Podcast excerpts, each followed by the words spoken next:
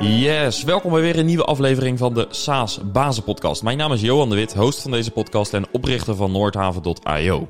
In deze podcast ga ik met SaaS-bazen in gesprek over hun business. En naast deze podcast is er ook een online community voor SaaS-bazen en een tweewekelijkse online meetup waarin we praten over onderwerpen die jou als SaaS-baas bezighouden. Ga naar saasbazen.nl voor meer info. Deze aflevering wordt mede mogelijk gemaakt door de SaaS-oplossing van Leadinfo. Leadinfo laat zien welke bedrijven er op jouw website zitten, wanneer ze dat doen, welke pagina's er bekeken worden en allerlei andere handige features om jouw salesproces een boost te geven. Je krijgt beter inzicht in je leads en je bent beter in staat om je commerciële proces daarop aan te passen. Wil je weten hoe Leadinfo werkt? Probeer het gratis. Ga naar leadinfo.com slash saasbazen om meer te lezen over de mogelijkheden. Vandaag hoor je Sander van den Broek, saasbaas bij Optiply. Hij startte het bedrijf samen met zijn co-founder Wiebe Konter en groeide in een paar jaar naar 30 plus mensen. Maar daar blijft het niet bij, stelt Sander. Na het succes in Nederland en de eerste tekenen van tractie in het Verenigd Koninkrijk en Duitsland is hij met zijn bedrijf klaar om op te schalen. En dat gaat zeker niet 100% remote gebeuren, want daar gelooft hij niet in. Daar gaan we het vandaag dus ook over hebben. Waar hij wel in gelooft is het internationale succes van Optiply. En als ik een beetje naar de energie en de drijf kijk die hij meenam naar de studio, dan is dat succes zeker niet ver weg. Hier is Sander. Yes, Sander. Sander van Optiply. Hallo. Welkom. Dankjewel, dankjewel. Uh, ja, je hebt echt een primeur, want uh, dit moeten we ook even tegen de luisteraar zeggen. Want mocht er een bepaald antwoord vandaag niet zo soepel uitkomen, dan is dat echt uh, volledig... Of een vraag. Of, maar dan is het in ieder geval echt mijn schuld. want even voor de luisteraar, jij hoorde gisteren pas dat je kon meedoen aan de podcast. Uh, dat was eigenlijk simpelweg omdat wij, uh, uh, nou, ik wilde jou al graag wat langer interviewen. Dus ik heb dan een lijstje met SaaS-bedrijven die ik gaaf vind om een keer te spreken. nou, daar waren jullie dus onderdeel van, zoals je weet inmiddels.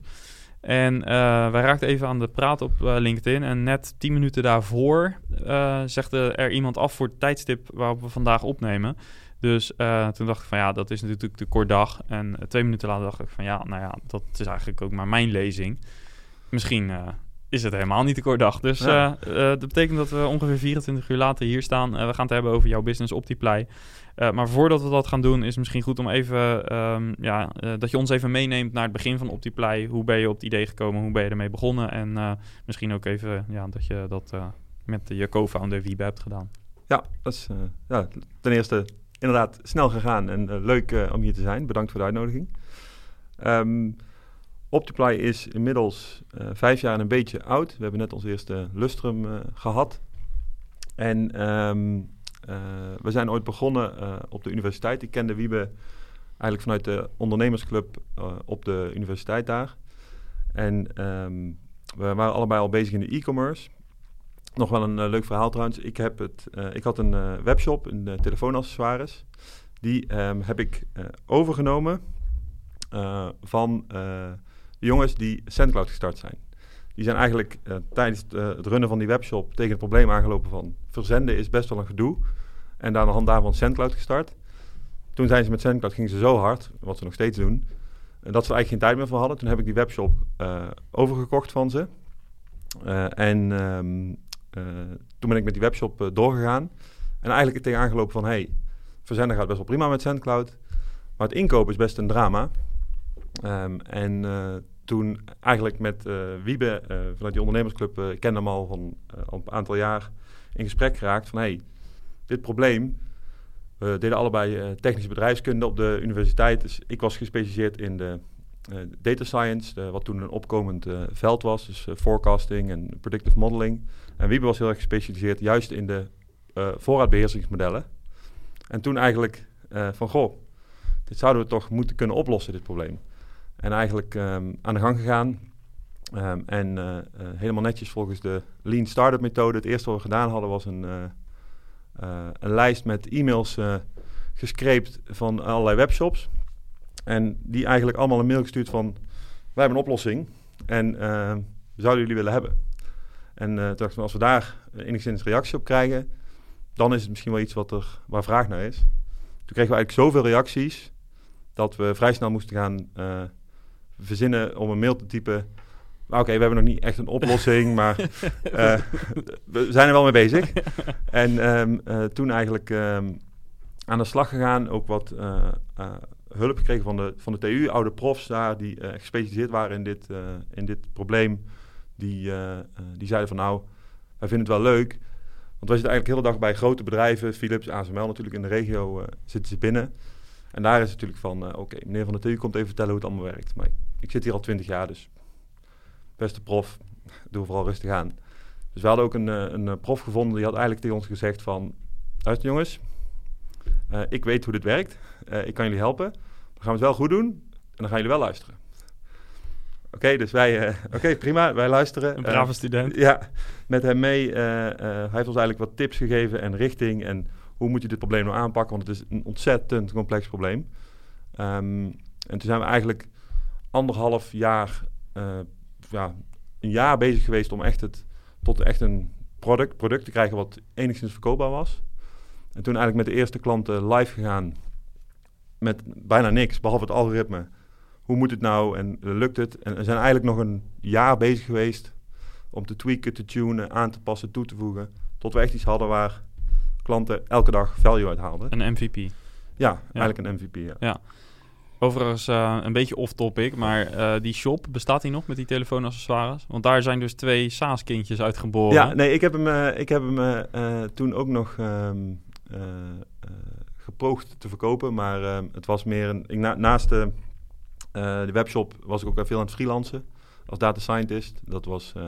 eigenlijk was je gewoon data analyst. Maar als je data scientist zegt, dan krijg je dubbele uurtarief. Ja. Dus um, uh, dat is dat is top. Um, dus ik heb hem op een gegeven moment gewoon afgeschaald. Maar de domeinnaam, die, die ga ik niet meer verkopen. Nee, nee die ga ik niet meer opzeggen. Nee, snap ik. Ja, leuk. Nee, ik wil zeggen anders dan ja, is het natuurlijk wachten op, de, op de derde. Dan weet ik al wie de volgende ja. staatsbaas gaat ja, worden. Ja, ja, ja. oké. Okay.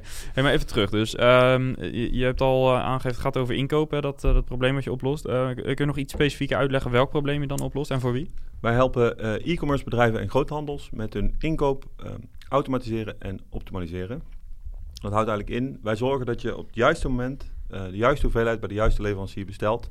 En we automatiseren dat voor 95%. Dus om een beeld te geven, um, een typische e-commerce partij die enige schaal heeft, dus tonnen tot miljoenen omzet minimaal, die um, heeft vaak één of meerdere inkopers of een directeur die een flink deel van zijn tijd kwijt is met de inkoop überhaupt regelen. En um, dat is prima als je 100 producten hebt of 50 producten en een aantal orders. Maar als je op een gegeven moment op het punt komt van oké, okay, ik heb duizenden producten en ik heb tientallen, honderden orders per dag. Uh, en ik heb 50 leveranciers waar allerlei dingen vandaan komen, dan krijg je dat niet meer geregeld. En dan krijg je eigenlijk um, drie dingen. Uh, die wij dus oplossen. Uh, je krijgt van de verkeerde producten te veel voorraad. Je hebt veel meer geld in voorraad dan noodzakelijk. Van de juiste producten heb je te weinig. Dus je gaat ook nog heel veel misgrijpen en omzet uh, mislopen. Dus nevenverkoop. Nevenverkoop. En um, enorm inefficiënt proces waar je eigenlijk geen controle op hebt en wat niet doorschaalt. Nee, dus als je een nieuwe inkoper aanneemt, dan moet hij weer het hele proces, alle leveranciers opnieuw leren kennen. Alles moet in het hoofd. Ja, alles, zit, uh, alles is uh, uit het hoofd. Dus iemand op vakantie is een probleem. als we twee keer groeien in omzet, hebben we twee keer zoveel inkopers nodig die we allemaal in moeten werken. Dus je hebt geen gestandardiseerd, schaalbaar proces. En we doen het slechter, over het algemeen. Dus dat is um, heel plat gezegd wat wij opleveren. Ja. En um, wij zeggen altijd zelf, we zijn de, de beste aanvulling op jouw WMS of ERP. Wij klikken op warehouse management systemen of uh, ERP's. Of uh, op de frontend, dus de Magento, Shopify, Lightspeed systemen. Um, en gaan eigenlijk als algoritme er bovenop, ook bovenop zitten met een handige frontend die jou precies vertelt wanneer je moet inkopen. Ja, en hoe bepalen jullie die data? of de, die analyses, dus wat voor datapunten gebruik je dan? Um, zoveel als we kunnen krijgen uit uh, uit het systeem. Dus een ERP halen we bijvoorbeeld meer uit dan uit een, uh, uit een frontend, want er zit er gewoon meer in. En we nemen eigenlijk van alles mee: leveranciersinformatie, productinformatie, verkoopinformatie, uh, externe informatie. Maar zou je ook al kunnen denken aan weersinvloeden, dat soort dingen? Zou dat een vraag die we vaak krijgen. Ehm, Ik kan me voorstellen dat bij kampeerwinkels of zo, ik noem maar wat, dat het een, een rol kan spelen. ja, het speelt een rol. Ehm, ehm, maar eh, eh, het is eh verwaarloosbaar. Oké. Eh, dus we hebben, dit, we hebben dit uiteraard onderzocht en we, we nemen weer wel eens mee. Maar vaak zie je van, oké, het weer eh, weet je eigenlijk een paar dagen vooruit. Maar ik heb een levertijd van twee maanden. Ja, precies. Ja, vergeet het maar. Dan Ja. is het seizoen veel belangrijker. Ja. Eh, dus dat, ehm, ehm, eh, dat is vaak niet hetgeen waar, eh, waar onze gebruikers mee moeten beginnen. Dat is Nee, niet, je, niet je startpunt om, om te beginnen. Dat is eigenlijk ons product in een notendop. Ja. Strakke pitch, dat heb je vaker gedaan. Ehm, en, Net de beurs gehad. Dus, ja, en als we even kijken naar die, die eerste periode. hoe zijn jullie gestart om die eerste klanten te krijgen? Wat waren je eerste acties? We hebben eigenlijk in het ehm, eh, begin, we financierden het uit eh, freelance opdrachten. Dus dat was eigenlijk de, de boel hoe we de, de broek omhoog hielden. Ehm, en ehm, de eerste klant hebben we eigenlijk via partners gevonden. Dus we hadden in het begin zijn we met verschillende WMS-systemen en eh front-end systemen gaan praten. En daar eigenlijk een soort partnerships mee gemaakt. En daarmee aan de gang om, om de eerste klanten aan te sluiten. En ja, niemand, eh, WMS'en en ERP's hebben vaak een inkoopmodule eh, waar je het in principe mee kunt oplossen. Maar dan, ben je, eh, dan moet je echt, echt supply chain eh, analyst zijn en daar fulltime op zitten om enigszins bij te kunnen blijven. En wij maken dat eigenlijk, ehm, wij automatiseren dat bijna het hele werk, zodat zo iemand ook weer aan de gang kan met dingen die wel echt van waarde zijn. Betere onderhandelingen met leveranciers, strakker op zitten op het assortiment, al dat soort dingen. En die, eh, die pitch hebben we bij heel veel partners neergelegd. En er kwam eigenlijk bijna allemaal kwam terug van... oh, ik heb, er sowieso vijf of tien waar je nu mee kunt spreken... want dit is een mega probleem. Ja, en dat gaf dus wat eerste attractie. Plus het feit dat de mensen die je al eerder benaderd had... eh, die eh, waren Ja. misschien ook nog na een jaar geïnteresseerd. Ja, ja, want het was nog niet opgelost. Nee, precies. En ehm, eh, heel vast hoor, we maken een hele grote stap. Maar naar vandaag. Ehm, eh, kun je een beetje schetsen waar jullie vandaag staan? Ehm, ik zal even heel kort de stapjes ertussen. Dus Ja, eigenlijk zijn we na, ja. eh, na twee jaar ehm, eh, met die MVP... eh, zijn we eigenlijk echt... ehm, eh, dat is het probleem. Want we hebben echt, het probleem was gewoon echt heel complex. Dus we hebben heel veel stappen moeten zetten voordat het helemaal werkte. Toen eigenlijk gaan werken aan de go-to-market. Hoe gaan we nou echt die klanten benaderen? En daarmee eigenlijk ehm eh na 2,5, 3 jaar echt op stoom gekomen. Ehm, en eigenlijk sindsdien is het één eh, rechte lijn omhoog. Of ja, rechte lijn omhoog, dat is natuurlijk nooit. Maar eh, ehm, het is nu eh, gewoon groei, groei, groei. We hebben eigenlijk sinds een aantal maanden ehm, eh, zien we de eerste serieuze tractie in het buitenland. Dus in Engeland en Duitsland. En dat lijkt eigenlijk ehm, eenzelfde pad te gaan volgen. Dus nu is het eigenlijk gewoon full, full forward, pedal to the metal, vol tempo. Dus we zijn nu, ehm, we zijn nu met eh, een team van 30, ehm, verspreid over Nederland en eh, Portugal. En eh, eind van volgend jaar gaan dat er gewoon 100 zijn. Ja, en hoe komt het dat het ja, Duitsland en de UK zijn? Is dat, sturen jullie daar bewust op of is dat meer organisch gekomen? Nee, daar hebben, we hebben een, eigenlijk een, ehm, eh, een back-of-the-envelope analyse, maar iets dieper natuurlijk, gedaan van wat zijn nou voordelen en nadelen van landen. Eh, en eh, eh, daar kwam eigenlijk een, een Duitsland en Engeland als bovenste landen uit. En waarom? Want ik hoor vaak dat Duitsland ook wel een moeilijk land is. Ja, maar de upside is heel hoog. Als het lukt, is de upside gigantisch, want het Ja. is de grootste markt van de EU natuurlijk. Ehm, eh, en ehm, eh, de bereisbaarheid is heel goed. Dus je kunt het, eh, we doen het vanuit Nederland. Die, we hebben nu Engelsen en Duitsers in Nederland zitten. Ehm, tijdsverschil is er niet. Dat is ook heel waardevol. Ehm, en ehm, eh, heel veel software systemen die wij koppelen, eh, bijvoorbeeld Shopify, is in Engeland en Duitsland ook groot. Ja, Dus dan kun je ook weer eh, hergebruiken en daardoor vrij efficiënt dat tempo weer maken. Dus dat is eigenlijk... eh, ja dus je zit- hebt dezelfde stack eigenlijk. eh, precies. En we hadden, Ja. hadden we 25 factoren waar we gewoon een beetje op gescoord hadden. En daar kwamen die twee landen uit. En dat was eigenlijk het, eh, de reden waarom we dat eh, zo gedaan hebben. Ja. En, en je keuze voor eh, mensen in Nederland, eh, wat is daar de, het ja, wat is daar de reden van dat je daarvoor hebt gekozen? Dat hebben we eigenlijk ehm, in overleg met eh, ehm, andere SaaS-ondernemers die die stap al gezet hadden. Ehm, eh, en die eigenlijk zeiden van nou, als we één ding anders zouden moeten doen bij starten in een nieuw land, is dat dat gewoon doen vanuit je hoofdkantoor. Want het is heel moeilijk om, als je een ander kantoor opent uit het niets, om daar die cultuur en de, de juiste processen en de juiste vibe te krijgen zonder daar eerst tractie te hebben. En dat is. Ehm, eh, en je bent in het begin natuurlijk ook gewoon het experimenteren. Dan moet je er gewoon snel op zitten. Dus dat is meer wie als founder bedoel je? Ja, precies. je moet er gewoon kort, oké, twee keer per week, wat zijn we aan het doen? Hoezo zijn we het aan het doen? Wat zijn de stappen, et cetera? En dat um, is gewoon moeilijker op afstand. En dat is dus de reden dat we dat in Nederland hebben gedaan. Uiteraard is het wat moeilijker. Want ja, er zijn Duitsers en Engelsen in, in Nederland, maar dat zijn natuurlijk minder dan in Duitsland en Engeland.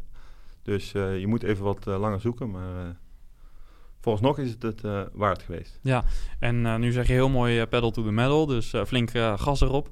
hoe gaat dat eruit zien? Doe je dat dan nog steeds vanuit dit land, vanuit Nederland, of ga je dan wel die aanpak ook veranderen?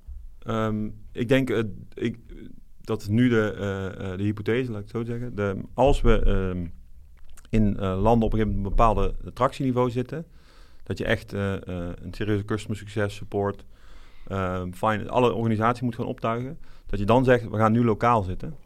Om, omdat het natuurlijk niet realistisch is dat je tientallen, honderden mensen op termijn kunt gaan vinden in Nederland van die nationaliteit met die profielen. Dat is natuurlijk niet, niet haalbaar, denk ik. Nee, precies uit alles blijkt, de ambitie is groot. Uh, ja, de ambitie is heel groot. En dat is eigenlijk ook... Um, uh, uh, wie ben ik zijn allebei ambitieus in die zin. Maar het is ook... Het, we zitten natuurlijk in die supply chain. En um, wat je eigenlijk ziet... Supply chain is een internationaal ding. Dat, is, dat speelt zich over heel de wereld af. Als je als oplossing niet wereldwijd gaat opereren... Hoe kun je dan ooit um, dicht bij het vuur blijven op de lange termijn? Dat, zien we niet uh, voor ons. Zie je dit ook als een winner takes it all markt? Um, ik denk dat er wel winner takes all uh, effecten in zitten natuurlijk. Um, zoals bij uh, bijna alle markten waar algoritmes en software een rol spelen. Maar ik denk niet dat het een winner takes all markt gaat zijn. Omdat het in de praktijk zie je het eigenlijk nooit. Um, omdat je bijvoorbeeld op dit moment zijn we bijvoorbeeld wij doen echt bedrijven met uh, herbevoorrading. Nou, dat is een totaal ander spel dan bijvoorbeeld fashion. Want fashion, die gaan naar een, ja nu dan niet met COVID, maar die gaan naar een trade show. Die zien dit en dit zijn de modellen, kopen die modellen en... Collecties eigenlijk. Precies. Ja, precies en ja. uh, volgend jaar heb je een nieuwe collectie, dus ja. dan, dan werken wij ook niet. Nee. Um, uh, dus je zult altijd niches houden, maar um, ja, ik zie wel een opportunity om nu in de komende jaren enorm ehm, enorm uh, te groeien en echt een serieuze positie in die markt te verwerven. Ja. ja. En denken jullie ook na over de VS? Dat, dat zou natuurlijk een logisch volgende land zijn na Duitsland en Engeland. Ja. ja. Um, hebben jullie daar al uh, georiënteerd? Jullie hebben meegedaan aan een accelerator-programma. Dat is wel lang geleden, als ik me goed heb geïnformeerd. Ja, ja nee, dat is denk ik het tweede jaar geweest. Toen hebben we een accelerator in de, San Francisco gedaan. En Um, daar hebben we dus contacten in die hoek. Um, toen was het uh, veel te vroeg. um, maar, Wist je dat toen ook al? Of? ja, dat idee hadden we wel. Maar ja, als je zo'n opportunity op je pad krijgt, ja, dan ga je ook geen nee zeggen. Dus we hebben daar een... Uh, het was ook wel op zich een mooi uh, model. We hebben een week met z'n allen in uh, Europa gezeten en een week in, in San Francisco. En die contacten die we daarop die gaan we zeker hergebruiken om, uh, om die stap uh, eh, TZT te zetten. Ja, dus het was toen te vroeg, maar uiteindelijk, dus uh, ja, de trade-off is. ja, ja, de, de, de, US is natuurlijk een evidente, evidente markt om op termijn op te gaan. Dat is, ja, je kunt eigenlijk alle learnings hier uit Europa en de, de tool kun je supergoed hergebruiken daar. Maar daar is het het schaalt gewoon harder. Ja. Omdat je die grenzen niet hebt. Ja, en uh, wat, is je, wat, wat, wat heb je daar geleerd uh, over hoe je het daar zou moeten aanpakken? Is dat fundamenteel anders dan hoe je het nu doet? Dus met um, een Duitser in Nederland eerst tractie krijgen? Of zou je daar wel in één keer uh, die hele machine neerzetten? Dat is een goede vraag. Um, ik denk... Um, uh, ik denk dat die tractie... Ja, de, de, de, mindset is echt anders in de US. Hè. Dat is... Um, je kunt een aantal modellen gaan pakken. Je kunt dan met een lokaal partner uh, de markt op gaan. Of je gaat het zelf uh, neerzetten. Ik denk als je daar zelf gaat neerzetten, dat je wel een soort van kleine lokale, dus hier lokaal in Nederland een, een start maakt met een Amerikaan. Die zijn er ook gewoon in Amsterdam en in omgeving. Maar ik denk dat je vrij snel een plek daar neemt, want je hebt tijdsverschil. Dus ja. dat maakt het gewoon heel veel lastiger. Ja, wat, wat in de US... Um, als je vraagt wat zijn learnings uit die, um, uit die tijd in de US. Um, wat, wat in San Francisco heel erg grappig is, is dat je, je loopt daar echt tussen de absolute topfounders rond. Ook toen we net, net bezig waren en dat was, was allemaal niet, nog niet super spannend of zo. Um, en um, we waren op een gegeven moment op een, op een borrel en daar stonden we met uh, stond ik met een, jongen te praten. En dan, wat, wat doe je nou? Hij zei, ik, zei, ik was vertelde wat ik aan het doen was. En hij vertelde, wat, wat? Hij zei, ja, ik heb net mijn bedrijf verkocht. En oké, hoezo dan? En welk bedrijf dan? Ja, Facebook. Facebook. Um, was dus een van de co-founders van Facebook. En ik vroeg van, oké, dan zal er wel wat serieuze brood op de plank gekomen zijn. Hij zei, ja, nee, ik, heb, ik heb echt ja, wel drie weken vrijgepakt. En toen ben ik eigenlijk met met de volgende begonnen. Dat was Asana. Nee, dus, joh. Ja, dus dat uh, is... Uh, ik stond okay. ook zo van, oké, okay, ja. ja, dat, dat, is, dat is wel mooi. Die heeft... ook dat is best heel aardig gegaan weer. Ja. dus dat is natuurlijk wel mooi om te zien. En die, die, dat vond ik een, een, anekdote die me altijd bijblijft. En een andere is... stond je op een, um, op een andere borrel. Was veel borrel ook natuurlijk, zo'n accelerator. Uh, stonden we met een investeerder te praten en die, uh, die zei eigenlijk iets wat wij in Nederland totaal niet kennen. Hij zei ja, um, waarom, je, waarom die Amerikanen zo agressief zijn? Hij zegt you can only lose your money 1x. Um, met als idee erachter, de opportunity die je mist, kan wel 10 of 20x zijn. En dat is veel duurder ja. dan die 1x. Ja. Dus dat, dat is een, ja, dat, ik weet nog dat het echt zo klikt in mijn hoofd van, oh ja, dat is een ja. Ja, totaal meteen, andere um, uh, manier van denken, die wij in Nederland niet, niet kennen. Ja, hij activeert je natuurlijk meteen om, oh, er zit bijna een FOMO-elementje in, zeg ja, maar. Ja, ja. De opportunity cost zijn echte kosten. en dat precies, is, um, aan de bottom line zijn dat gewoon echte kosten, die je natuurlijk niet echt voelt, maar ze zijn er wel. En dat, is, nou, dat zijn denk ik de twee learnings die we daar hebben opgepikt. En dat is wel echt, ja, echt anders. Ja, goed dat die zijn blijven hangen. Ja, ja. cool. Um, in het uh, toch korte voorgesprek wat we even hebben gehad, ging ja. het even over jullie uh, groeistrategie. Dat je vooral voor outbound hebt gekozen en wat minder voor inbound. Ja. Wat is daar de reden van? Um, nou ja, experimenteren eigenlijk. Um, we zijn toen aan de gang gegaan en ja, natuurlijk zeker in, het, in die jaren moesten we natuurlijk alles zelf doen. En ja, want jullie zijn bootstrapped. Bootstrapped, ja. ja, ja. Dus um, uh, we hebben geen, uh, nooit geen VC of iets uh, aan boord gehaald. Um, wat in de begindagen moesten we dus... Ja, oké, okay, je hebt een aantal lijstjes van dingen die je kunt doen. Je hebt marketing, je hebt referrals, je hebt outbound. Nou, we zijn gewoon gaan testen en gaan experimenteren. En ik denk... outbound is het over, overduidelijk toen geworden. En ik denk ten dele omdat dat een model uh, veel sterker is dan veel mensen denken uh, op dit moment. Omdat het niet hip is. En ik denk dat Wiebe en ik allebei niet uh, super soepel zijn in marketing. Dus, um, maar de, de, het grappige is, we hebben denk ik nu een, sinds een jaar zijn we serieus aan het investeren in marketing. En je ziet nu ook dat dat enorm vlucht begint te nemen. Inmiddels zitten we uh, denk ik bijna 50-50 uh, outbound, inbound. En, en, als het gaat om jullie inspanningen of de resultaten? Dus bijvoorbeeld lead generatie. Als je kijkt naar MQL of SQL, zit je dan op 50% of... Uh, closed, closed, closed on. Ja, ja closed En dan, oké. Okay, ja. de, de, dat is, was bijna alleen maar, um, was denk ik 80% outbound. Ja. dus dat is wel echt aan het shiften nu. En dat um, ja, werkt wel echt goed. Dus Maar outbound is gewoon, uh, ja, gewoon ouderwets uh, smile and dial. Ja. Ja, is het zo simpel? Of heb je in die periode dat je succesvol bent geweest, of nog steeds natuurlijk, maar zeker in die periode succesvol was met outbound, heb je dan nog bepaalde learnings die je zou kunnen delen? Um, want je, je laat het heel simpel klinken, maar inderdaad wat je tegelijk... Ik kan het niet. Ik kan niet outbound bellen. Dat, uh, ik ben er totaal niet uh, goed in.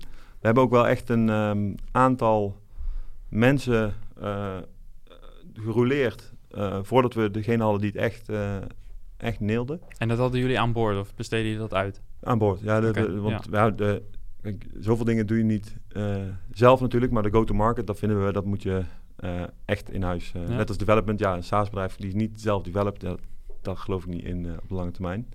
Um, idem voor de go-to-market. Dus daar hebben we gewoon echt mee geëxperimenteerd. En um, op een gegeven moment kregen we dat, ja, die, die pitch hadden we gekraakt. Waardoor we eigenlijk, um, nou dit moet wel gezegd, kijk, dit is natuurlijk een, omdat wij zo duidelijk kunnen uitleggen wat we opleveren, kunnen we dit natuurlijk ook heel duidelijk overbrengen. Maar het is moeilijker voor een uh, CRM. Want ja, ik heb al een CRM en dat is niet uh, kapot. Dus waarom zou ik nu willen wisselen? Dus dat, outbound is het, is niet, uh, het zal niet altijd werken, maar ik denk in ons geval is het echt enorm, enorm uh, goed gegaan eigenlijk. Ja, en nu zijn jullie wat meer inbound aan het uh, inzetten.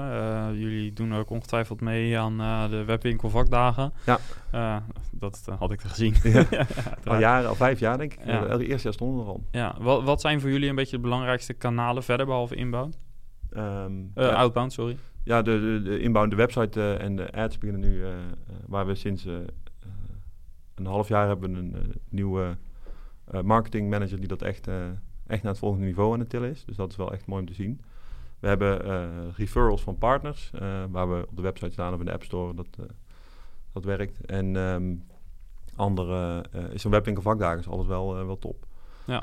Dat was vorige, vorige week was natuurlijk, ging het weer door. Ja. Het zal denk ik geen week later moeten zijn. hoe was het eigenlijk? Nee, precies, inderdaad. Ja. Nu, want nu, als we dit opnemen, dan gaan de versoepelingen weer langzamerhand eraf. Ja. Uh, hoe, hoe, ja, hoe was deze editie? Ik ben altijd geweest, nu dit jaar niet, omdat ik zoiets van, nou, nou ja, het is niet heel noodzakelijk voor mij. Dus, uh.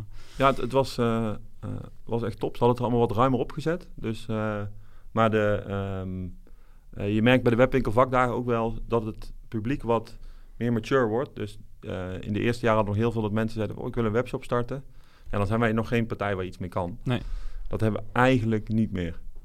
Uh, allemaal mensen die, eh, of webshops of groothandels, die iets met de e-com willen. Dat, dat, dat zijn perfecte, uh, perfecte matches. Dus dat uh, was weer een, echt een succes. Ja. En ook echt leuk om weer mensen in het echt te spreken. En ja, dat is wel, was toch wel anderhalf jaar geleden. Ja, alright. Um, ik wilde ook even met je hebben over remote werken. Um, we mm. moesten dat allemaal natuurlijk ja. vorig jaar opeens.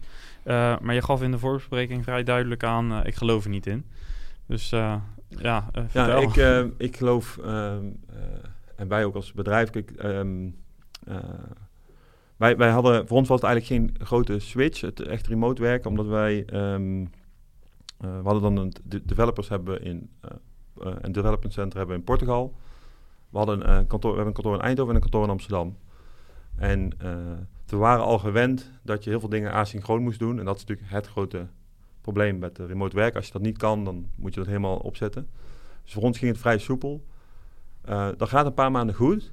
Uh, maar je merkt daarna eigenlijk um, fully remote. En dat is denk ik uh, de nuancering of wat je net zegt. Full remote, daar, daar geloof ik echt niet in. Um, het wordt nu helemaal hype van bedrijven die een kantoor opzeggen en we gaan alles remote doen.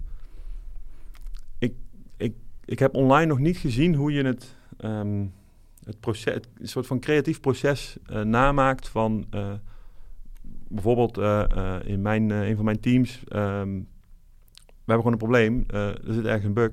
We gaan we naast elkaar zitten, kop koffie, eten erbij, het maakt niet uit en we gaan het gewoon oplossen. Dat werkt online toch niet helemaal, want je mist die, of je ziet iemand die achter zijn pc zit en die ergens mee bezig en die een beetje zit van, lukt het? Of, en dat heb je online gewoon helemaal niet. Um, en dan moet je een meeting inschieten en dan moet je het over hebben. En dat werkt goed voor de known unknowns, maar niet voor de unknown unknowns. En dat, um, dat op termijn gaat dat wel, uh, ga je dat wel merken. Dus um, ik ben blij dat nu um, De afgelopen week dan iets minder natuurlijk, want de besmettingen gaan erg hard.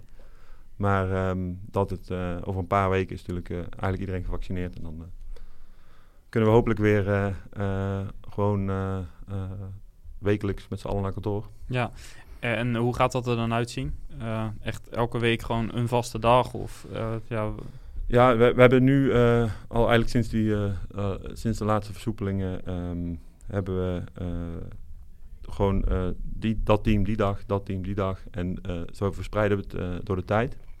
En we hebben natuurlijk gewoon alles gedaan. De schermen en de handgel en extra ruimte bijgenomen om eigenlijk te zorgen dat je ruim kunt zitten.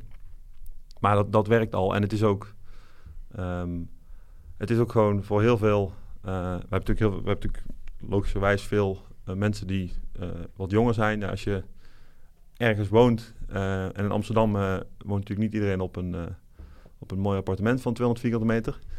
Als je al ergens zit in een, in een kamer of in een ja, en als je daar de hele dag zit en je slaapt en je werkt en je slaapt en je werkt en je eet, en dan, dan word je echt helemaal gek. Ja. Um, dus dat is denk ik ook wel een belangrijke soort uitlaatklep waar je, ook al is het niet zoals uh, hiervoor, dat je toch met elkaar uh, uh, gewoon kunt zijn en met z'n allen de schouders onder kunt zetten. En dat merk je wel echt dat dat het werkt. Ja. En dus, dus de nuance is alleen remote dat werkt en volledig remote niet. Um, dan heeft het, het, is, het gaat dus vooral om cultuur, om die contactmomentjes. Ja, en wij, wij, dit is, eigenlijk heeft door COVID hebben we iets wat wij al deden, wat we nooit echt expliciet hadden, omdat dat was niet echt een ding, maar wij zijn wel heel erg van flexibel zijn. Kijk, wij, als je bij ons komt werken, um, uh, we zijn gewoon enorm hard aan het groeien. We, we groeien meer dan 250% per jaar. En dat doen we al een paar jaar op een rij en dat, dat zijn we nog steeds aan het doen, zelfs nu COVID tot voorbij aan het gaan is. Um, als je bij ons komt werken, dan heb je alle opportunities om dingen te gaan doen en stappen te gaan zetten. Maar mensen moeten het wel zelf pakken, als het ware. En um, kijk, als iemand komt, je mag zoveel thuiswerken als je wil. Dan gaan we gaan niet zeggen, hey, je moet op kantoor van 9 tot 5 zijn. Maar als iemand er nooit is, dan, dan kan iemand niet maximaal meegroeien. Dus dan op een gegeven moment groei je uit elkaar en dan, dan neem je afscheid. Maar um, ja, wat, wat, we nu gewoon aan doen zijn, we hebben gewoon een, we hebben echt een, super. Uh, kijk, COVID is natuurlijk uh, alle uh, e-commerce en leveranciers van de e-commerce hebben natuurlijk in die zin geluk gehad. Dat is gewoon Ja. het, goede hoekje. Ja. Ehm, we zitten in het algoritme hoekje. Dat is ook het goede hoekje waar nu eh, enorme groei in zit. En we, ehm, en we zitten in een, eh, in een markt waar, ja, waar gewoon zoveel eh, potentie is. Ja, dat is gewoon een avontuur wat ieder, iemand eh, eh, moet willen gaan doen. En eh, eh, dus dat is, eh, ehm, die flexibiliteit krijgt iedereen gewoon. En, maar je moet iemand moet zelf wel pakken. En dat is, merk je wel dat het voor sommige mensen wel even wennen is. Van, ja, vertel me wat ik moet doen. Ja, oké. Ik weet het niet. Wat heb jij nodig om te bereiken wat jij wil bereiken? En ja. hoe alignt dat met ons? En dat is natuurlijk de... Dat is wel... En daar heb je dus die contactmomenten goed voor nodig. Ja. Ja, en dat, kijk, dat soort dingen bespreek je toch het beste eh, aan het eind van de dag met een biertje. Daar heb je het erover. Dat werkt toch, eh, toch beter dan een, een Zoom-call. Ja. Eh, ik kan me bij dat laatste ook wel aansluiten, ja. Ja.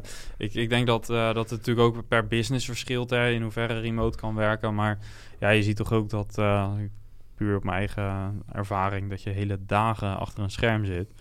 Eh, zelfs je lunch nog achter het scherm zit. Dat, Ja. eh, dat is ook gewoon niet, eh, niet heel erg goed, inderdaad. nee, voor nee, je. dat is gewoon niet... Dus wat dat betreft is het wel fijn dat er weer het een en ander mogelijk is. Ja.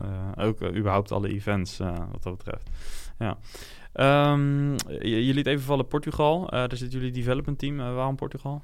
Ehm, eigenlijk waren we in, ehm, in Nederland kwamen we tegen van... hey, het, het is best ingewikkeld om de goede mensen te vinden. Toen waren we eigenlijk een beetje rond eh, aan het kijken... en eh, eh, kwam eigenlijk een, iemand die ons veel adviseert en helpt... kwam van, hey, ik heb hier een, een teampje ontmoet. Misschien is dat wat. En dat klikte eigenlijk zo goed. Toen hebben we in één keer het hele team van drie aangenomen. En... ehm, eh, dat is eigenlijk succesvol gebleven. Toen in Nederland hebben we eigenlijk development grotendeels gestopt met opschalen. En ehm, eh, in Portugal uh, gewoon full. Uh, we hebben ook het is allemaal in-house, uh, eigen op de loonlijst bij ons. En het is allemaal van ons. Dus dat zijn we nu gewoon aan het opschalen. En dan wordt daar, ja, dan worden ook gewoon 30, 40 man komend jaar. Ja, en lekker om af en toe naartoe te gaan, kan ik me ja, voorstellen. Ja, ik ben toevallig een paar weken weer, weer geleden weer geweest. Net in dat kleine, kleine window waar het kon. Maar het is wel echt leuk om ze weer te zien. En ja. de helft van de mensen daar had ik ook nog nooit in het echt gezien. Maar dat um, ja, is erg leuk om, uh, om daarheen te gaan. Ja, heerlijk. Ja. Um, de SaaS Bazen podcast is niet alleen, uh, gaat natuurlijk niet alleen over het bedrijf, maar gaat ook over jou, jouw rol als, uh, als een van de founders. wat, wat drijft jou? Um, wat drijft mij? ja, ik vind het ontzettend leuk om een, een serieus probleem van klanten op te lossen met skills die ik heb. En dat nu verder op te schalen. Dat vind ik echt, uh, het is echt heel erg leuk om, om te zien hoe we bij veel klanten echt de business wel transformeren. Want het inkoop, als je dat niet goed regelt, dan wordt schalen erg kostbaar in de e-commerce. En dat we daar echt mee kunnen helpen is wel echt heel erg leuk om te zien. En wat ik nu ook um, steeds leuker begin, steeds duidelijker begin te zien, en wat ook echt super leuk is, is om die die volgende stap als bedrijf te maken. We zijn nu met, met 30 man. Uh, we gaan nu naar 100 toe. Dan moeten er allerlei dingen veranderen. En uh, ja, dat is gewoon, gewoon superleuk. Wat, wat ik, ehm, ik ben er ook van overtuigd. Wiebe en ik zijn allebei opgeleid als industrial engineers. Dus juist meer gericht op processen en wat dingen die wat groter zijn. Ik denk dat wij echt beter gaan zijn in de fase die er nu aankomt dan in de fase die we in de eerste jaren hebben gehad. We zijn geen hypercreatieve um, uh, types die super snel en super intuïtief alles doen. En, want wat heb je dan in de afgelopen paar jaar gemist? Wat zou een skill zijn? Als zou je er nu eentje kunnen kiezen die je dan in de afgelopen jaren gehad zou willen hebben? Um, wat zou dat zijn? Nou, ik denk um, bijvoorbeeld marketing of meer de, de designachtige gevoel dat je uh, sommige dingen er net even wat uit laat zien, dat ze net even wat strakker zijn. Nou, wie heeft het niet en ik heb het totaal niet. Um, uh, en um, uh, dat, um, dat, dat zou wel echt geholpen hebben. Maar dat hebben we niet gehad en ondanks dat zijn we er doorheen gekomen. Ja. Dus nu is dat eigenlijk alleen maar in ons voordeel. Als je er doorheen bent, dan ben je er doorheen. En nu zie je wel uh, we hebben nu een designer die de nieuwe uh, uh, dingen ontwerpt in de tool. We hebben bij marketing iemand die het allemaal strak neerzet. Dat, dat scheelt, scheelt zoveel. Ja. Je hebt nu een paar keer gezegd van we zitten nu ongeveer met 30, we gaan naar 100 volgend jaar. waar komt die overtuiging vandaan? Je zegt het heel overtuigend, valt me op. Mm -hmm. waar komt het vandaan? Nou, de, de, ik denk um, een van de dingen die we uh, wat onze grootste uitdaging is op dit moment, is goede mensen vinden. Um, en wat we heel erg gemerkt hebben eigenlijk, en eigenlijk een learning van de afgelopen weken slash maanden. Wim en ik komen allebei opgegroeid in Brabant en gestudeerd in Eindhoven en zitten nu in Amsterdam. Wat je, dat is ook wel een klein cultuurverschilletje. In um, Brabant uh, is het iets minder dat je begint te schreeuwen dat je het allemaal gaat doen. Um, en dat begint ons wel uh, tegen te houden nu in recruitment. Want heel veel mensen vinden het uh, super mooi om bij die groeiende bedrijven te zitten en bij die, um, bij die dingen waar je echt naar iets groter aan het bouwen bent. En dat zijn we aan het doen. We, we maken die stappen. Um, die 100 is gewoon volstrekt uh, uh, hoeven niks te doen wat we nog nooit gedaan hebben, laat ik het zo zeggen. Dat is de, de, landen waar we tractie hebben, uitbouwen. Um, ja, die teams allemaal opschalen, dan zit je aan 100. Um, ehm, en dat is denk ik ook iets wat we nu eigenlijk expliciet aan het doen zijn, is iets meer die schroom van ons af laten vallen. En gewoon zeggen, wij gaan dit gewoon neerzetten. En um, dat is, wat ik net al zei, we zitten, op alle manieren zitten we in een goede hoekje. En zijn we nu gewoon die volgende stap aan het zetten. En dat is ja, een superleuke uitdaging. En ja, alleen maar leuk. Mensen die dat mooi vinden, om, om deel te zijn van, van zoiets, ja, dat, um, dat geeft zoveel energie ook. dan haal je van elkaar eigenlijk die eh, wisselwerking. Ja, en je wil dus ook, je doet dit dus ook uh, om, ander, om talent aan te trekken, om ehm, mensen mee te nemen in die ambitie. Ja, iedereen in het verleden heb je dit te weinig gedaan, misschien, besef ja, je. Ja, en dan zijn we toch, ja, waren we toch meer van ja, kijken, een beetje rustig beschrijvend. En dat, um, dat heeft ons zeker uh, hires gekost. Um, en dat willen we, terwijl het eigenlijk niet, dat is gewoon meer omdat wij zo zijn, dat we dat zo gezegd hadden. Niet dat het niet waar was. En um, uh, dat is wel echt een learning van de afgelopen ja, twee maanden eigenlijk. Om dat wat, wat explicieter naar voren te brengen. Om, om gewoon echt, echt de gas te gaan geven. Ja. Want, ja, het, we, hebben het, we hebben nu eigenlijk aangetoond dat het in Nederland werkt, dat het in het buitenland werkt. Dus het is nu gewoon een kwestie van dit doorduwen naar het volgende niveau. Ja, van 30 naar 100, dat vraagt natuurlijk, hè, dus even gemakshalve nog drie keer zoveel. Mm. Maar um, los van de organisatie is het voor jou persoonlijk, en voor Wiebe natuurlijk ook, maar ik vraag Mhm. het nu aan jou, belangrijk om ook die groei door te maken. Dat je zelf ook ja, steeds blijft groeien als founder naar CEO. Die rol ga je, dat, dat, op een gegeven moment krijg je steeds meer die rol natuurlijk, steeds meer, Mhm. minder founder. En uh, meer de C-level functie, of dat dan COO, CCO, of uh, geef er maar een termpje aan. Mm -hmm. um, wat doe jij zelf om uh, die groei, echt die persoonlijke groei ook vorm te geven? Um, nou, ik doe een aantal dingen. Um, ik lees heel veel boeken. dat is eigenlijk vind ik dat een manier om kennis te lenen van iemand die nooit tijd heeft om kennis over te dragen. Um, Uh, en kijken hoe processen eigenlijk bij bedrijven die tien stappen verder zijn worden ingeregeld. Um, om uh, te kijken of je daar learnings uit kunt halen die zelf neer kunt zetten. En kijk je dan naar bedrijven die tien stappen verder zijn of twee of drie stappen? Je zegt tien, maar... Ja, dat... daar zijn de meeste boeken over. Um, maar ik, ik, je probeert natuurlijk... je moet natuurlijk bezien in de... op de bijvoorbeeld, ik ben nu een boek aan het lezen over hoe um, Google omgaat met site reliability engineering. Wat is, hoe ga je om met de stabiliteit van je tool op een engineering manier? Uiteraard heeft Google totaal andere problemen dan wij hebben en waarschijnlijk ooit zullen hebben.